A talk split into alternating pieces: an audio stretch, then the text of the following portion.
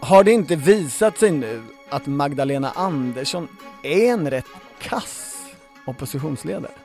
Oh, en konträr åsikt från Torbjörn Nilsson, men också vi har statsvetarsiffror på hur den bästa oppositionen mäts.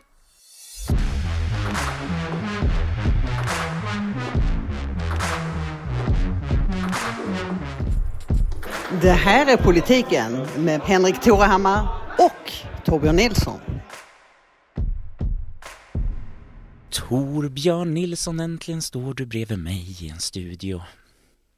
Henrik, jag har Men- tänkt på en grej. Ditt huvud har inte lämnat cellen.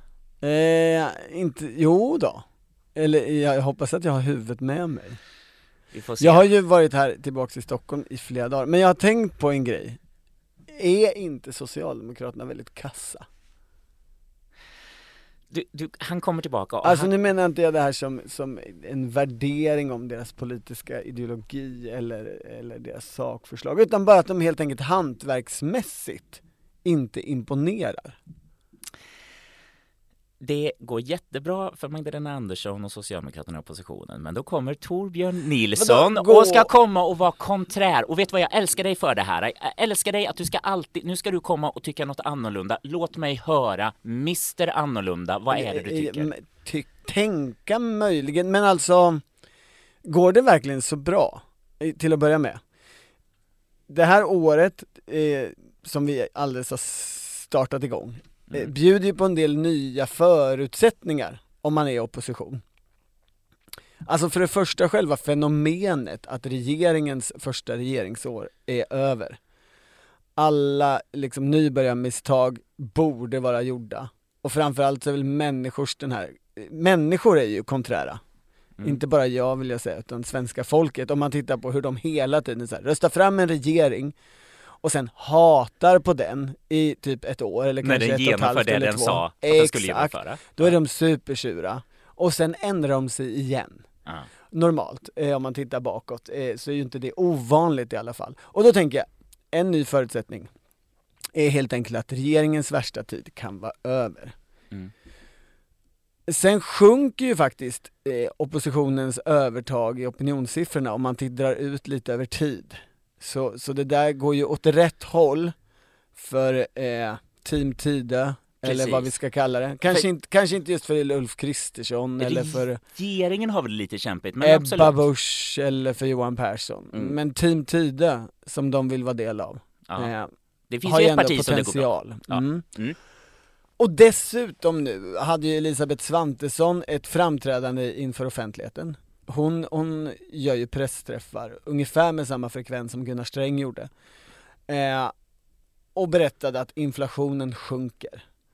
Och, och det är ju det riktiga ljuset i tunneln för regeringen.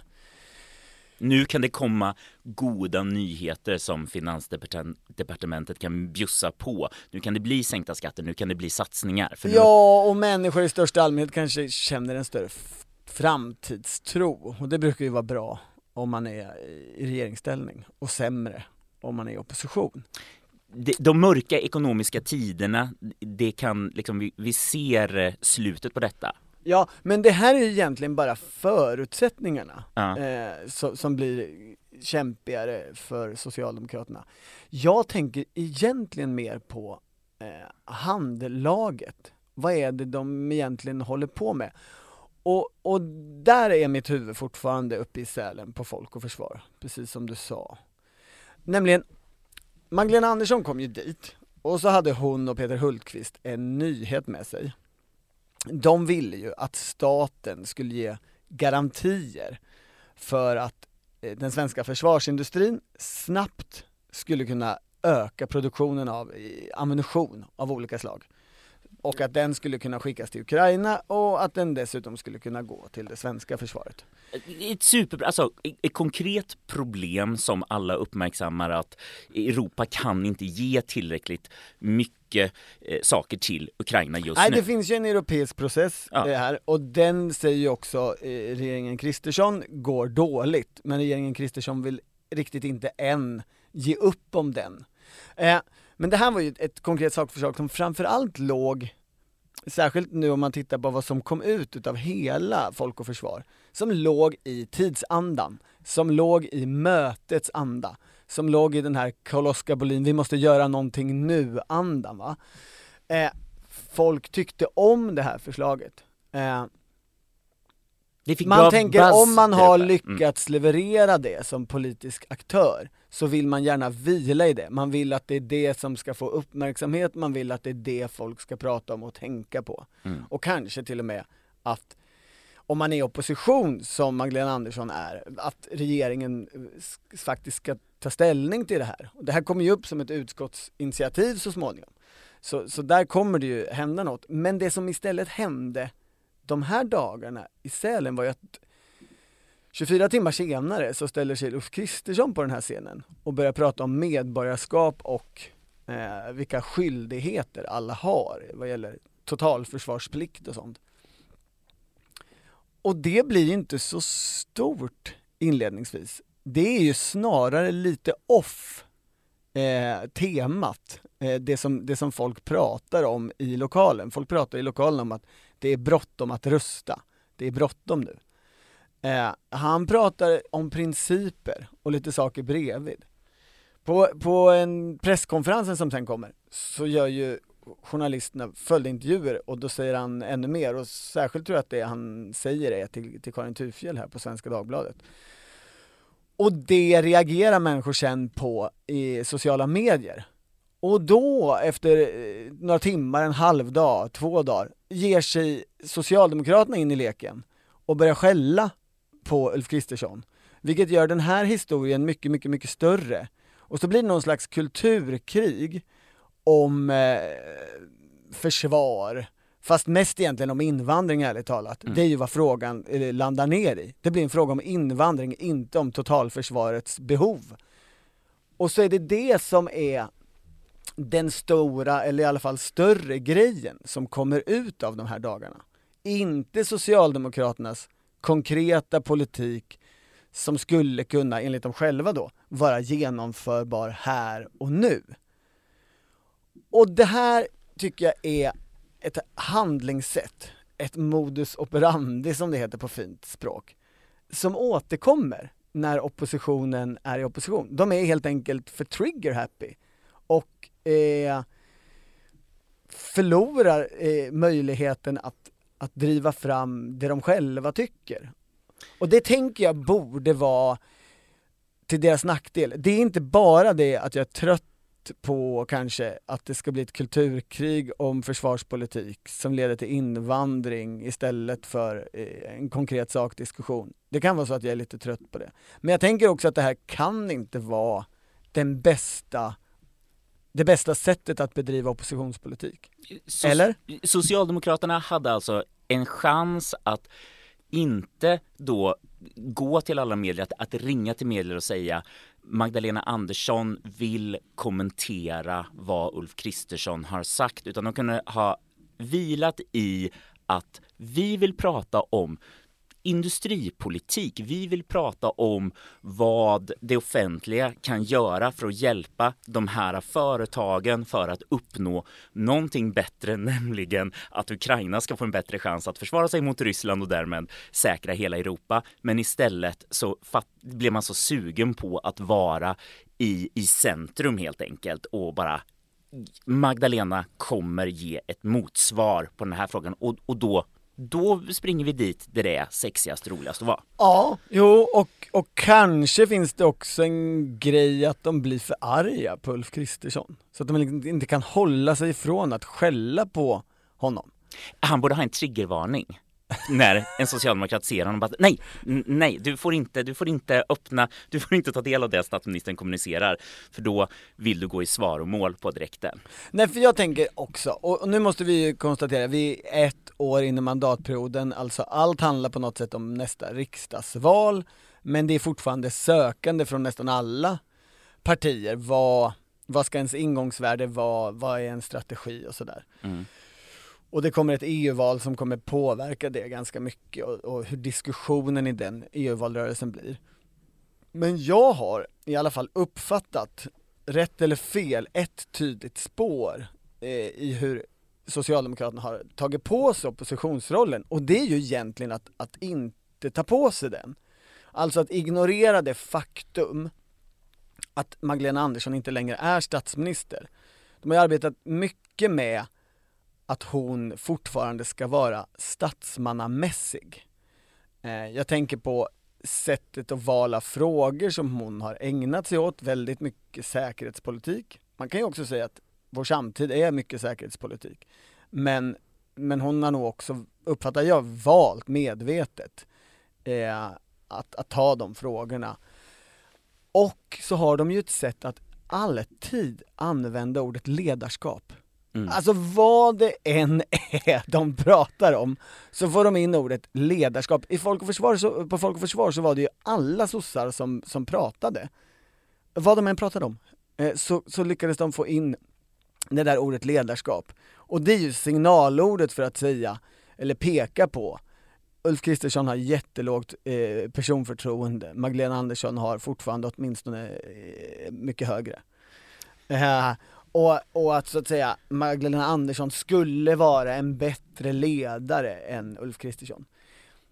Och om det är, så som jag uppfattat det, en del utav den övergripande strategin, då tänker jag att det här sättet att tappa bort sig själv bara för att få till ett gött gräl, eller i alla fall bara för att få känslan av att vi skäller ut Ulf Kristersson eller vi bankar på regeringen det måste väl ändå gå emot idén och det övergripande målet att framstå som statsmannamässig.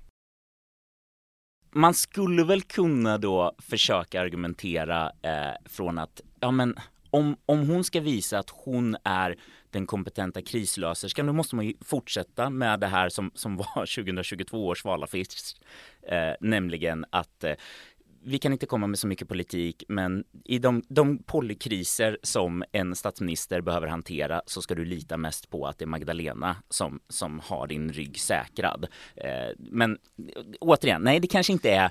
Ja men litar då inte folk i högre utsträckning på den som är inte ger sig ner i dyngan och slåss? eh, och mer på, alltså, är det, är det mm. inte större att försöka stå över vissa konflikter eh, rent statsmannamässigt. Jag, jag kan ha fel i detta, ja. men, men jag upplever ju att det Socialdemokraterna gör just nu i den här, med det här sättet att agera, och det har skett vid flera tillfällen, det är ju att liksom medvetet ta bort det statsmannamässiga i den här eh, personan Magdalena Andersson. Kanske är det så att hennes riktiga, sanna jag Eh, kommer fram bättre. Vem vet? Men, men det, det, det trumf de hade i förra valrörelsen eh, underminerar man väl själva just nu? för att de, om man går in på orden, nej men de, om du liksom läser precis vad det är Magdalena Andersson säger i direkta citat, nej men då kanske det kan låta lite så här värdigare och de är ute efter anständigheten vi bara måste markera mot vart Sverige är på väg under det här, under SD-regeringen. Men ja, vad man minns är ju, nu blev det sandlåda, nu blev det tjafsigt, nu blev det käbbel. Ja, och en annan grej jag absolut inte kan förstå. Här är jag ännu mer öppen för att jag har fel. Eh, men jag kan inte förstå varför Socialdemokraterna ägnar så mycket kraft åt den här historieskrivningen om eh, migrationspolitiken. Vem som gjorde rätt eller fel och exakt när. Jag, jag förstod den lite i början. Eh, Socialdemokraterna eh, eh har sina arbetsgrupper, de ska ta fram ny politik, de har ett behov av en, av en liksom ny startpunkt. Laven Redar ska gå ut och säga förlåt, vi gjorde fel analys, men nu har vi tänkt om och gjort rätt. Just nu det. blir vi danska socialdemokrater typ. Ska man säga förlåt så ska man ju också mena det. det eh, försöker jag i alla fall berätta för människor i min närhet som är lite yngre än jag själv. Uh -huh. eh, jag vill bara lägga in det som en passus. Men det finns ju definitivt saker i den här historieskrivningen att diskutera, som den har varit och vem hade rätt och vem hade fel. Det är inte en ointressant fråga, alltså jag, jag tycker om historia. Uh. Men strategiskt, om man går in med, med värdet att vi har alltid varit för stram migrationspolitik. Och ja, den här lilla perioden när vi inte var det så berodde det hela tiden på andra. Det var deras fel. Eller Det samhällsklimatet. liknar, mer an, eh, det liknar mer de här personerna som är yngre och som är i min närhet och mina konversationer jag har med dem. Eh, och framförallt så ger det ju ett gratisläge, tänker jag, att den aktör som har mest på det torra om kriget är, vi har alltid varit emot migration, eh, den, den har, riskerar, från ett socialdemokratiskt perspektiv, riskerar då att vinna den här striden. Så ju längre man begraver sig och på, liksom, nu fortsätter ju Socialdemokraterna med liksom varv 3, 4 på den här diskussionen om historieskrivningen. Och jag kan se och höra Socialdemokrater säga, jo men det förlorar ju Kristersson på. Titta på den här artikeln eh, Hanif Bali skrev. Mm. Eh, nu är han ju på väg att eh, få ett internt uppror mot sig. Oklart om det är sant, att han håller på att få. Eh, men de tänker, det här är jättedåligt eh, för Moderaterna. Ja, men hur bra är det för er? Om ni fortsätter dra den här diskussionen och det slutar med att Sverigedemokraterna och Jimmy Åkesson kommer ut som, jo men det var ju ändå de som hade mest rätt mesta tiden. Men är det då strategin att så här, vi har ju redan accepterat att det är SD-regeringen, att det är Sverigedemokraterna som är våra huvudmotståndare, så nu ska vi bara skjuta sönder Moderaterna så mycket som möjligt. Om vi får ner dem till 14 procent, det är där som målet är. Att, eh, nej, folk kanske inte litar på oss heller, men de ska heller inte lita, lita på Moderaterna. Och i det stora hela, då ska vi ändå bli så här, eh, ja, eh, vi ska göra återigen en folkomröstning om Sverigedemokraterna och eh, då är det upplägget ändå bättre och Moderaterna ska inte kunna få placera sig som en sorts rimlig balanserande kraft där utan Ja men så kan det ju vara, men då är väl frågan lite, är inte det att återupprepa i ganska hög utsträckning förra valet? Och det brukar väl sägas att förra Ja. val inte utspelar sig igen, eller det gamla kriget kommer inte tillbaks i, i nästa krig. Alltså jag menar, då tänker man sig väl att Sverigedemokraterna och Jimmie Åkesson kommer inte vara en trovärdig motståndare för väljarna i meningen att när man väl ska gå till valurnan så kan man ju inte rösta eh, Mm. på Jimmie Åkesson som statsminister. Det kommer inte så många faktiskt att vilja göra. Man kommer, man kommer börja så här, vad är det här för regeringsduglighet och sånt där. Så, så kanske Socialdemokraterna tänker. Men, men det där är ju också föränderligt. Särskilt när man börjar ta de här stora diskussionerna om historieskrivning. För de visar ju på, eh, så att säga, just regeringsduglighet över tid.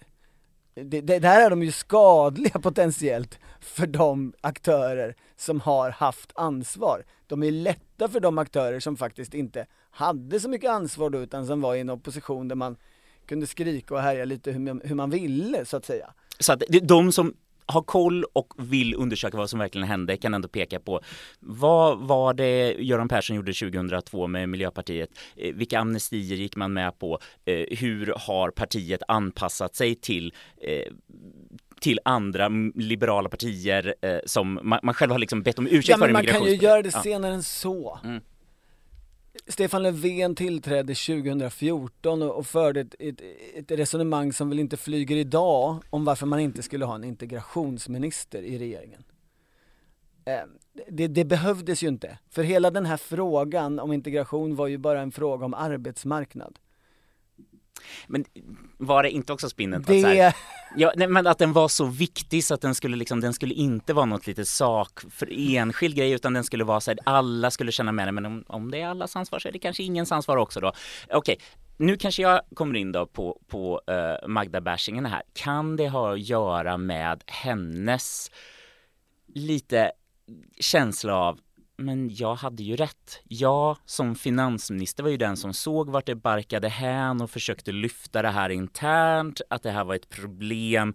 Ska jag... alltså migrationen. ja, Mm. migration. Det kommer för många människor, det kostar för mycket. Ja, ja, det är så att säga regeringskansli mässiga migrationsuppvaknandet har ju hela tiden drivits från finansdepartementet. Både i regeringen Reinfeldt och i regeringen Löfven. Ja, och, och då tycker hon helt enkelt så här, Magdalena Andersson ska inte få skit för det här. Eh, Det kanske finns strategiska skäl att partiet liksom, och vi har gjort andra saker och vi har faktiskt sammanställt och tittat på när kom det flest människor? Jo men det var ju under, under Reinfeldt-eran så kom det flest det, det kom, kom färre när, när, när vi var Alltså där. jag så- kan sträcka mig i alla fall så långt till att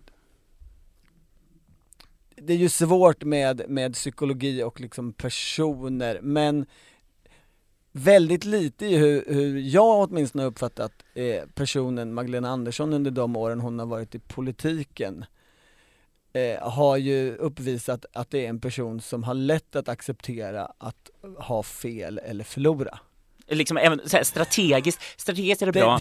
Du, du håller tyst nu, du lägger ditt ego åt sidan och sen säger du bara Förlåt, vad dumsigt det blev. Jag ber om, jag och partiet ber om ursäkt. Nu lägger vi det här bakom oss och ni får vara lite arga på oss ett tag och sen går vi vidare. Det kan finnas saker här jag inte vet, men jag Mm. känner inte att det där är Magdalena Anderssons persona. Nej, Nej. det gör jag inte. Okej, jag bör- börjar mer och mer köpa, det, som jag först tänkte var så här, nu är det eh, Torbjörn som kommer med så här högriskinvestering som jag tänkte så här, den här aktien, eh, ska vi verkligen köpa den? Men å andra sidan, ibland behöver man en sån här YOLO stonk-aktie, kommer du ihåg det? När det var eh, GameStop och det här att att det var massa människor som skulle investera i så här tokaktier och ibland så gick det ju hem, det var väldigt många gånger man förlorade mycket på det. Men det här att sossarna är inne liksom i en krisig fas som de har sig själva att skylla på. Vi, det kanske är dags att börja göra en liten småinvestering. Nu börjar vi bli en sorts sån podd, råd om vad du ska köpa för, för futures här. Eh, ja. Ja men det är ju också så att i veckan, eh, vi spelar ju in det här tisdag förmiddag, Mm. eh, och imorgon så ska det ju vara en eh, misstroendeomröstning Mm. i riksdagen mot eh, miljö och klimatminister Romina Pourmokhtari. Och jag tänker att den kommer visa lite vad Socialdemokraterna vill vara för slags opposition. Det är ju när vi spelar in det här fortfarande oklart hur Socialdemokraterna eh, tänker rösta i den där voteringen. Det ska de väl bestämma i eftermiddag gissar jag. Ja, för det här är ju spännande för lilla Miljöpartiet och lilla Centerpartiet, de kunde ju tillsammans enas för första gången var de här två gröna partierna, eller i alla fall två Kul för dem att de kunde vara eniga om något ja. Ja, att Ja. de hittade en grej nu, eh, så, och deras argumentation, de har ju också fått Vänsterpartiet som stöder dem hela här och tänkte väl att så här, ja, och nu kommer Socialdemokraterna. Men fortfarande oklart vad Socialdemokraterna kommer landa här. Men att eh, deras argumentation är ju eh, att Romina Pourmokhtari lovade att sänka utsläppen. Vi väntade på den här klimathandlingsplanen. Enligt klimatlagen så måste Sverige sänka sina utsläpp och det har hon inte gjort. Hon bryter mot lagen. Det här är klart. Nu måste vi göra det som är en oppositions uppgift, nämligen utkräva ansvaret för den felaktiga politiken. Så för dem tänker jag nu att nu, nu har de committat att eh, nu, kör vi. Och som det är varje gång det här instrumentet, misstroendevotering, ska användas, så blir ju diskussionen, är det här verkligen rätt forum för den här kritiken? Eh, Det här instrumentet är ju tänkt att användas liksom mot felaktig maktutövning, eh, mot större principiella saker som ett, som ett sista, eh, sista sätt att komma åt eh, korruption och sådana saker. Eh, och och eh, vandel av olika karaktär. Kan man ju argumentera åtminstone. Eh, sett över tid så har ju det där förskjutits, inte minst de senaste mandatperioderna, där det har eh, använts i, i, i situationer där man definitivt skulle kunna säga att det här var ju mer vanlig politisk kritik och vanlig politisk debatt. Och Så argumentationen blir lite, kanske då... Nej, eh, nej ja. men då tänker jag så här att det här, det, här finns det ju direkt en grej som går på statsmannamässigheten, så att säga.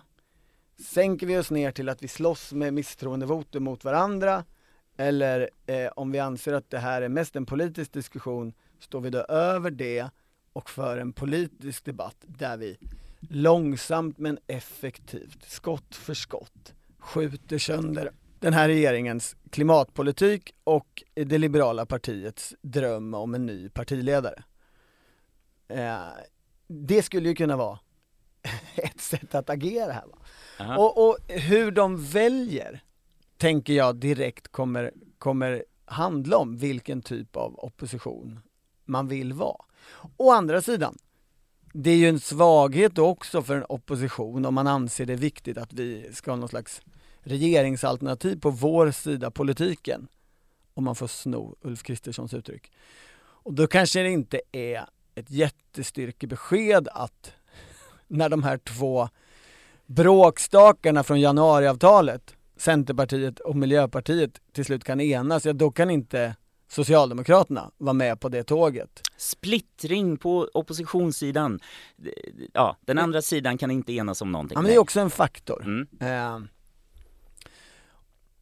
och sen finns det ju den där lilla, som inte kommer hända, men faktorn, vad händer, vad händer i bilden av allt det här? Om någon sverigedemokrat trots allt skulle bryta Tidöstämningen och rösta mot eh, Romina Pourmokhtari som de ju, en hel del av dem kanske inte uppskattar jättemycket.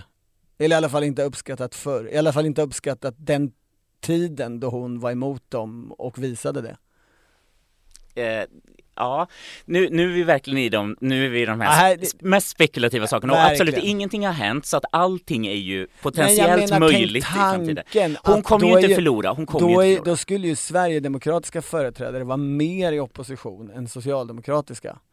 Om socialdemokraterna står över det här, men någon sverigedemokrat eh, inte gör det. There's a lot to unpack here, som nu blev det en psykologpodd känner jag här. Eh, men om vi, om, om vi tar, eh, försöker reda ut eh, mina argument och tankar i detta. Eh, Okej, absolut. Socialdemokraterna har ju kritiserat eh, hur misstroende används tidigare, att egentligen ni inte är arga på att lagar bryts utan ni är arga på politik och nu finns det majoriteter och sådär, så använd inte det här på fel sätt. Är absolut. lätt, lätt att säga om man är i regeringsställning, på Ja. sätt och vis. Eh, men å, å andra sidan, eh, nu händer det här och eh, vi ska säga så här, Elsa Widding som kanske var eh, våran våran vild, nej inte vild, jo vad heter det? Den mest vilda av Sverigedemokraterna, Precis. per definition, objektivt sett i alla fall, ja, eh, i, i den- riksdagen, eftersom hon, eftersom hon är, inte är med i gruppen. ja, hon har ju ändå gått ut i Svenska Dagbladet och sagt att hon kommer inte stödja ett misstroende mot Romina eh. Pourmokhtari.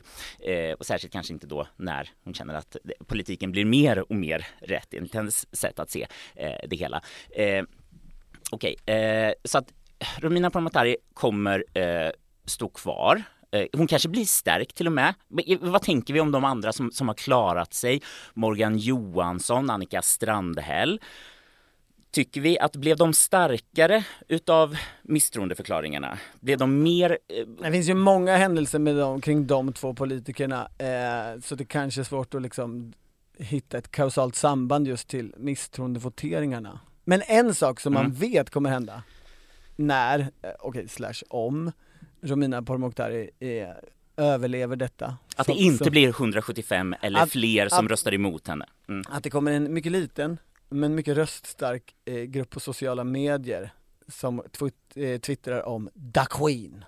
Och hur fantastiskt detta är. Att hon har överlevt? Ja, att hon blir starkare nu. Men okej, men, men och då är frågan här, eh, har, har eh, den vänstra sidan också gjort bort sig, oavsett vad Socialdemokraterna ställer sig här, eh, har man gjort Liberalerna och en framtida liberal partiledare tillräckligt arg, tillräckligt liksom på något sätt så här, eh, känner sig att nu kommer jag aldrig kunna gå över eller göra upp med den här sidan. Det finns väl också ganska lite i Romina Pourmokhtaris personlighet som säger att inte hon kan svälja ganska mycket för att så här, uppnå andra saker. Nej men det här är ju också en faktor Mm. om man ska vara opposition. Alltså den här trovärdigheten som, som eh, eh, regeringsalternativ handlar ju inte bara om man kan komma överens idag med miljöpartister och centerpartister den gången de kommer överens med varandra. Det är ju också en fråga om vad har man för förutsättningar att bygga breda uppgörelser i framtiden? Och eh, om, man, om man tänker sig Mm. att Da Queen-människorna kommer få rätt och Romina Pourmokhtari är inte jättelångt borta från att vara partiledare. För att visserligen mycket litet, eh, men kanske ändå fortfarande riksdagsparti som kan väga över åt olika håll. Ja då kanske det är, det är en person som man i alla fall inte ska skapa sig dåliga relationer till i onödan. Ja, eh, återigen, eh, vi, vi tittar på Rominas track record och tänker att hon, hon kanske kan komma över det här eh, om, om det finns eh, saker Hon verkar ombytlig menar du? Nej, nej men jag, jag tror bara att hon är väldigt eh, pragmatisk. och eh, verkar Är kunna... inte det bara, det är ju ett sosseord för att säga ombytlig. Vad heter det här som amerikanerna Eller säger? Shit eating Inte så grin. mycket ryggrad. Jag tänker att man, att hon har en Ylva Johansson-kvalitet. Hon kan stå där Ja. och bara liksom ta skiten Ja. Mm. från ena sidan, från andra sidan och dra fram olika saker i sig eh, och, och liksom ett straight face. Här har du ju saker som socialdemokrater verkligen älskar. De skulle kanske egentligen bara värva henne. Ja, det, det är det allting det här kommer, kommer landa i istället. Att eh, de så här, nej, eh, jag försökte Nej men jag menar, det, det här är Ja. ju riktiga kvaliteter som värdesätts i Socialdemokraterna. Ja. Eh, Börja som vänsterpartist, eh, kom till oss, eh, bli ihop med någon och sen är du för alltid med i familjen. då är du omsluten av rörelsen, fast här kommer hon från ett annat håll. Eh, Det är en intressant eh, och spännande tanke. Jag vill säga att så här, misstroendeomröstningen, det skulle ju om man ska ta Centerpartiets och Miljöpartiets perspektiv, de försöker väl i sådana fall spinna det till att så här, vi har ju ändå lyft sakfrågan. Klimatkrisen är på riktigt, vi måste sänka våra utsläpp, det är det det handlar om. Eh, och de menar ju återigen, nej men vi har det formella argumentationen på sin sida. Eh, och sen så kommer ju andra sidan säga då, ja fast eh, återigen nu blev det ju ett styrkebesked här, oppositionen kanske också blev splittrad. Eh, och förmodligen citera Per Bolund igen. Att eh, ni kunde ju, vilken tur att ni genomförde den här eh, omröstningen efter årsskiftet när det före detta språkröret hade avgått eftersom han ville ju inte göra sådana här saker. Han tyckte att det här kunde ses som politiskt spel och det var väl lite så här eh, ansvarsarvet från en person som hade varit minister. Mm. Eh, och, och, och tyckte så här, nej men det ordentliga sättet att göra saker på är, är viktigare än att vinna kanske liksom en, en nyhetscykel och prata om de här frågorna. Det, eller åtminstone det Den är också viktigt. slagsmålsugne skulle väl kunna säga att Per Bolund inte bevisade att det var det bästa sättet att vara i opposition. Ja. Men vad är egentligen det bästa sättet att vara i opposition? För det är ju den grundläggande frågan här väl egentligen. Ja, egentligen, jag pratade till exempel med Henrik Ekengren He- Henrik Ekengren Oskarsson, vår statsvetar Nestor, har han blivit det riktigt än? Ja det har han ju blivit Ja. i Göteborg definitivt, för nu har de ju gett en pensionspresent till Sören Holmberg. Ja, De, de har, eh, han ska ju fortsätta jobba, eh, jag tror han, han är inte 80. Men då, eh, eh, då gav, alltså i 80-årspresent tror jag det var, som det då, eller pension eller vad man skulle kalla det. Fast han ska fortsätta jobba. Ja men de har gett honom en egen hemsida. underbart, då kan han fortsätta med det. De samlade ihop, alla statsvetarna i Göteborg samlade ihop sig och gav det till Sören. Så nu, det, tycker jag är ett tecken på att Henrik Ekengren Oskarsson är Nestorn. Ja. Mm. Och när jag snackade med Heo, som jag gärna kallar honom, ja. eh, så sa han att nej men opposition, det är ju det viktigaste man kan vara. Det är ju det, för en demokrati så är det ju viktigare nästan eh, vad vi har för sorts opposition än vad vi har för regering. För den tillsammans med andra institutioner är den som ska liksom se till, kolla makten, eh, att den gör vad den ska. Och då kan man ju säga att imorgon onsdag är det ju ett ypperligt tillfälle, både när det gäller först ett misstroendevotum och sen en partiledardebatt som följer därpå rakt av. Och det ska väl bli också intressant att höra tonläget förra gången så blev det Ja, inte gråt men blanka ögon åtminstone i utbytet mellan Magdalena Andersson och Ulf Kristersson.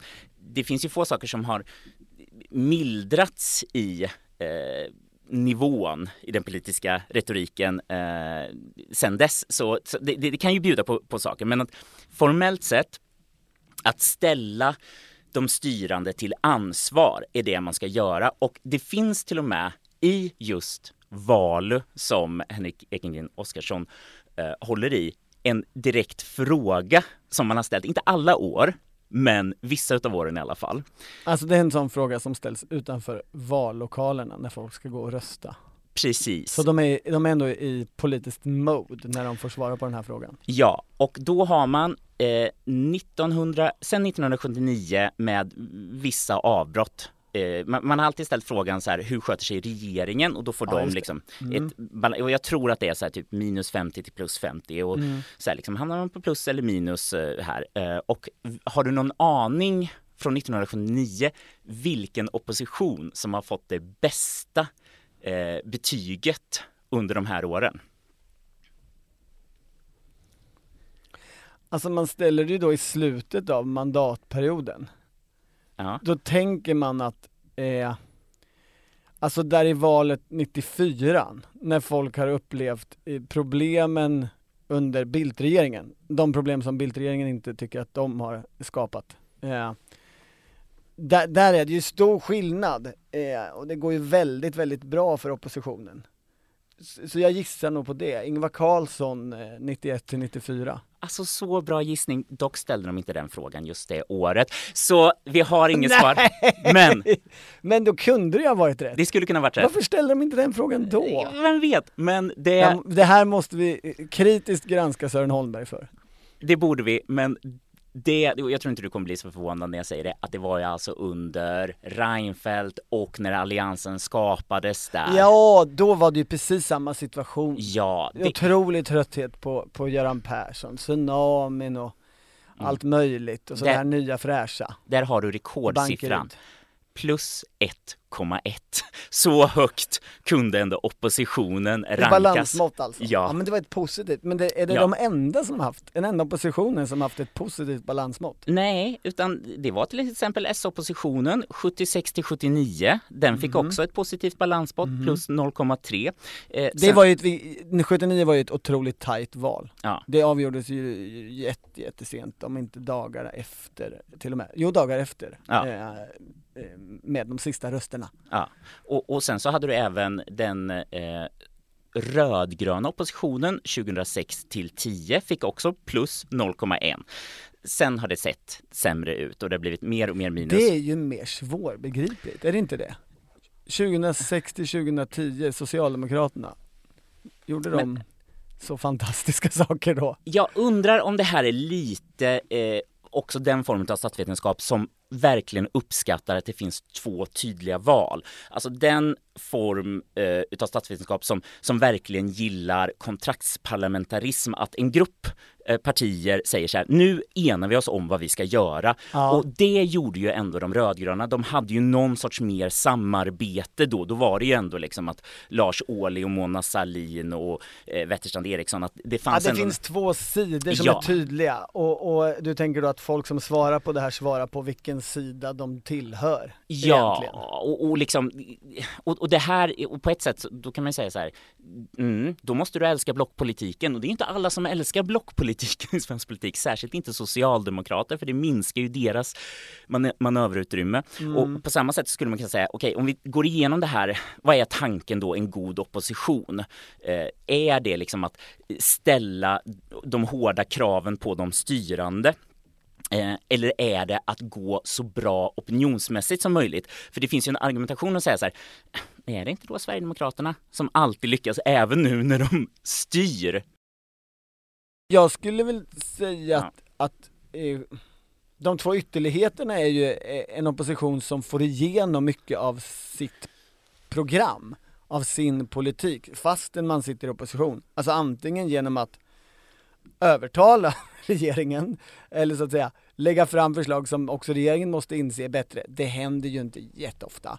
Eh, men kanske oftare genom att ha en sån parlamentarisk situation i, i församlingen att eh, de styrande, regeringen, måste ha med sig oppositionen på olika sätt och att oppositionen då är skicklig på att få in sina saker. Det är ju ett sätt att vara framgångsrik i opposition. Så vi pratar 18 till 22 när det var liksom den röriga riksdagen, när utskotten hade makt, när Ja det då gjordes... var det ju Ulf Kristerssons budget i alla fall, som var den som rullade och låg när anslag skulle ut från staten till verksamheter. Så Eh, Ulf Kristersson borde ha, ha den rollen som, som den viktigaste politikern då eh, eftersom oppositionsledaren eller oppositionen är det viktigaste i ett demokratiskt system. Ja men jag, och sen tänker jag att det andra sättet Mm. att vara skicklig i opposition, den andra ytterligheten är ju att genom sin oppositionspolitik förändra dagordningen, problemformuleringen, förutsättningarna för att man själv ska komma till regeringsmakten nästa Mm. gång. Och det kan ju lite då mätas i, i opinionsmätningar, hur bra går det för partiet och så. Men det kan ju lika mycket mätas i vad pratar människor om i landet? Och då får man väl säga att då är det väl sådana karaktärer som Gösta Bohman eh, som ändå förvred eh, och, och drev fram hela det liberala eh, liksom trendskiftet i svensk politik på 70-talet. Oklart om han själv egentligen ville det eller om det bara var hans rådgivare Carl Bildt som ville det. Eh, men han är nog slagen, Boman, i det här laget av Jimmie Åkesson. Som ju i opposition verkligen har lyckats med de här sakerna. Alltså, sett sitt parti växa men också förändrat hela dagordningen och problemformuleringen. Och det här är ju spännande för eh, det är också statsvetarargument att den här situationen där vi har, vi ska inte ha stödpartier, kanske inte så stora stödpartier som får sitta utanför regeringen. Nej, det är mycket tydligare. Om väljare ska kunna förstå vem som har ansvaret, då måste, om, om ni ska samarbeta, då ska de sitta i regering. Det, det ska vara två tydliga sidor, två tydliga val. Eh, och återigen, Alltså den situa- Tidösituationen. För nu har ju då Jimmy Åkesson snarare övergått till den här typen av opposition, att man får igenom sin politik. Ja. Om vi nu definitionsmässigt accepterar den här konstgjorda situationen att han är i opposition eh, och, och hans parti. Vilket man ju inte egentligen kan. Alltså på pappret är det ju så, men i praktiken så det, det är ju orimligt att kalla dem för opposition. Tänker jag. För att de sitter med tjänstemän i regeringskansliet därför att de är med att påverka politiken. Ja, och ofta när det när är det är bra så säger de omfattande Ja. och, och på de punkter där regeringen stolt gick in och sa "Eh, här ska de, i, här, här bestämmer vi. Men jo, jo, jag heter dem. alltså, det här är ju exakt vad Romina Pourmokhtari situationen handlar om också. Ja. Eh, att här fick ju också Sverigedemokraterna inflytande till slut. Och det är kanske precis också det vi kommer att höra imorgon efteråt att eh, ja, nej det var ju inte Romina vi egentligen ogillade utan det var ju att det blev sverigedemokratisk politik under henne. Eh, Det man kan kanske titta på också om vi ska försöka tänka så här, är Socialdemokraterna eller någon opposition bra? Ja, för att det tycks bara vara oppositionen som går bra om man tittar nästan globalt, om man tittar i alla fall i västliga demokratier. Eh, Så inget styrande parti eller styrande makt i Frankrike, i Storbritannien, i Tyskland, i Norge, i Danmark. Alltså ingen lyckas hålla sig över liksom sitt valresultat nu utan det är opinionen som skriker ja, eh, eller väljarna vänder sig till alternativet, om det är på höger eller vänster sida. Det finns ett du menar al- alltså att det ja. just nu är väldigt lätt att vara opposition? Det är svårt Eller att regera. fördelaktigt? Det är svårt att regera, man blir inte populär när man regerar. Det finns ett stort undantag Eh, vilket är det? och det är ju nämligen eh, de högernationalistiska partierna som styr, nämligen Ungern och i Italien. Där går det bra för de regerande. Så det kanske är de- enda som skulle eh, ha det bra även i en regering skulle då i sådana fall vara Sverigedemokraterna. Men vad av de, i de här principiella resonemangen om vad som är en bra opposition, Mm. var kommer Socialdemokraterna landa i det? Ja. Om de ska liksom försöka vara de, de bästa, eh, få högst betyg av statsvetarna. Ja, Att hela tiden så här, ställa, hela tiden vara ifrågasättande och på något sätt trycka regeringen. Stämmer det? Har ja, ni då, gjort det rätt? det, det, då får man väl säga att statsvetarna kanske tycker att Magdalena Andersson gjorde rätt uppe i Sälen på Folk och Försvar. Som släppte sin egen grej, för att börja eh, skjuta på det hon tyckte var fel i, i det som var Ulf Kristerssons grej? Hon har helt enkelt var, varit en PIR, Vad är det? pinne i röven. Eh, Och det är det som man enligt HEO ska, vara som opposition. Okej. Ja, och där, det tycker jag nog är en smal definition av en framgångsrik eh, opposition. En smal pinne i röven. Eh, jag, jag tänker nog att det är bredare än så. En bred stock Jag röven. tänker att man, om man ägnar sig åt att vara den här pinnen hela tiden, då blir man ju kanske inte så skicklig på politikutvecklingen. Eller så att säga på sitt egna alternativ. Eh, man kan bli långsam som en vandrande pinne i det arbetet. Eh, och det är väl det som man frågar sig om, om den här oppositionen överhuvudtaget kommer att ägna sig åt. Jag menar i, i den egna valanalysen så är ju inte poängen, alltså Socialdemokraternas från senaste valet, där var ju inte poängen. Vi var för dåliga på att skälla ut eh, Kristersson och Jimmie Åkesson, skapa eh, eh, bråk och Konflikter och som, som eh, fick uppmärksamhet. Det var ju inte självkritiken. Självkritiken var ju motsatsen. Men- Men Att kan ju vara så att partiledningen inte gillar den egna valanalysen eh, och skiter i den. Men, men valanalysen efterfrågade ju starten på den här Folk och Försvar-konferensen. Eh, Magdalena Andersson och Peter Hultqvist står och bullrar på en, på en presskonferens om att vi har ett förslag som faktiskt kan göra skillnad på riktigt och nu ska vi tvinga fram det genom ett utskottsinitiativ i riksdagen och här ska det hända saker. För den här regeringen kan ju inte regera. Så här kan vi inte ha det. Men istället så går de tillbaks till sista veckan innan valet. Där, där det bara handlar om att de andra är fel. Och, och, och, men det handlar hela tiden om de andras frågor. Och, det, och hur dåliga de är på det. Vi ska inte ägna oss åt industripolitik, vi ska ägna oss åt historieskrivning.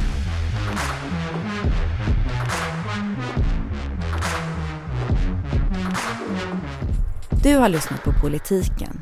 Producent är Tove Friman Leffler och ansvarig utgivare är Lisa Irenius.